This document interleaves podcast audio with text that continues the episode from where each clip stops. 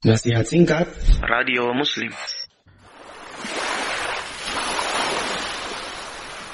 Bismillahirrahmanirrahim. Wal Di sini Allah bersumpah dengan fajar. Dan Allah berhak bersumpah dengan apa saja yang Allah kehendaki di antara makhluk-makhluk Allah. Apakah Allah bersumpah dengan waktu? Apakah Allah bersumpah dengan tempat? Apakah Allah bersumpah dengan benda? Ya, terserah Allah Subhanahu wa taala. Adapun makhluk dilarang untuk bersumpah dengan makhluk yang lainnya. Makhluk hanya boleh bersumpah dengan Allah Subhanahu wa taala. Ada yang mengatakan bahwasanya Allah bersumpah dengan al-fajr artinya wa salatil fajar, demi salat al-fajr. Sebenarnya maksud Allah dengan al-fajr adalah demi salat subuh karena salat subuh adalah salat yang sangat agung. Oleh karenanya Nabi sallallahu alaihi wasallam bersabda, "Man shallal fajr fi jamaah fahuwa fi dhimmatillah." Barang siapa yang salat subuh berjamaah, maka dia di bawah lindungan Allah Subhanahu wa taala. Dalam hadis yang lain kata Nabi sallallahu alaihi wasallam, "Man shallal bardain dakhalal jannah." Barang siapa yang salat dua dingin, maka dia akan masuk surga. Al-bardan maksudnya adalah al-fajr wal asr. Karena al-fajr adalah awal hari yang masih terasa dingin dan salat al-asr adalah awal hilangnya panasnya terik matahari menuju ke arah yang dingin. Kemudian Allah bersumpah dengan berikutnya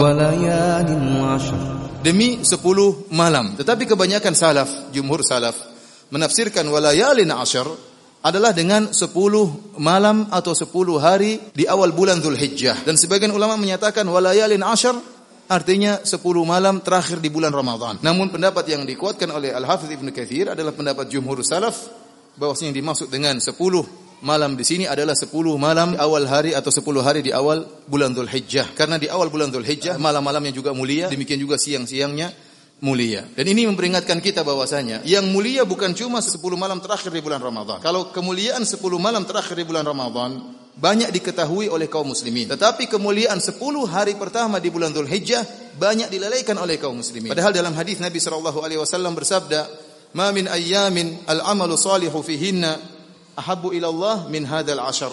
Tidak ada hari-hari yang beramal soleh pada hari-hari tersebut lebih dicintai oleh Allah selain dari 10 hari 10 hari ini. Yaitu 10 hari pertama di bulan Dzulhijjah. Maka para sahabat bertanya, "Walal jihad fisabilillah?" Apakah lebih dicintai amalan soleh di 10 hari tersebut daripada jihad fisabilillah? Kata Nabi, "Walal jihad fisabilillah." Bahkan lebih dicintai daripada jihad fisabilillah.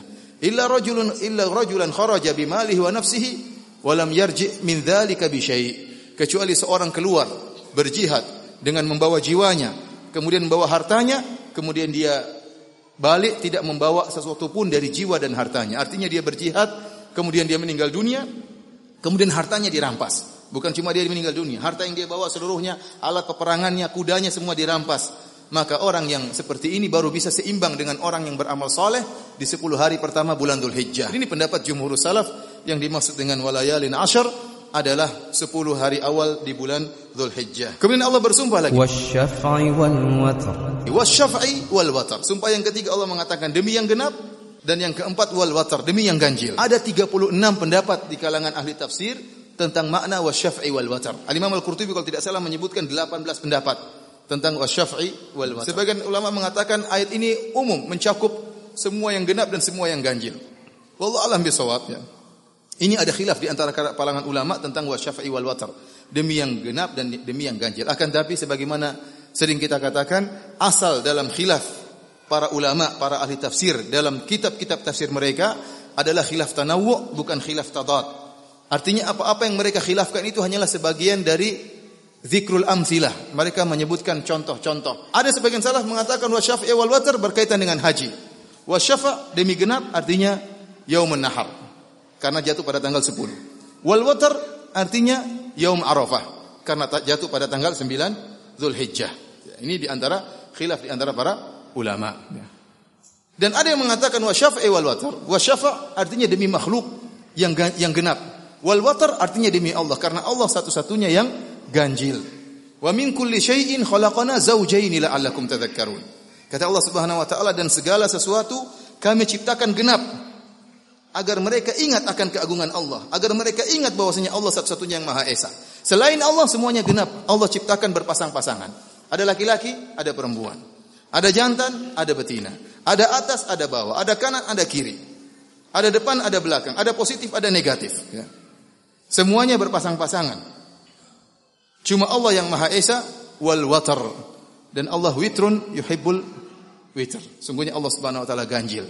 Ini pendapat yang kuat juga didukung oleh firman Allah wa min kulli syai'in khalaqana zaujaini dan segala sesuatu kami ciptakan berpasang pasangan. Yang tidak berpasangan hanyalah Allah Subhanahu wa taala. Qul huwallahu ahad, Allahus samad.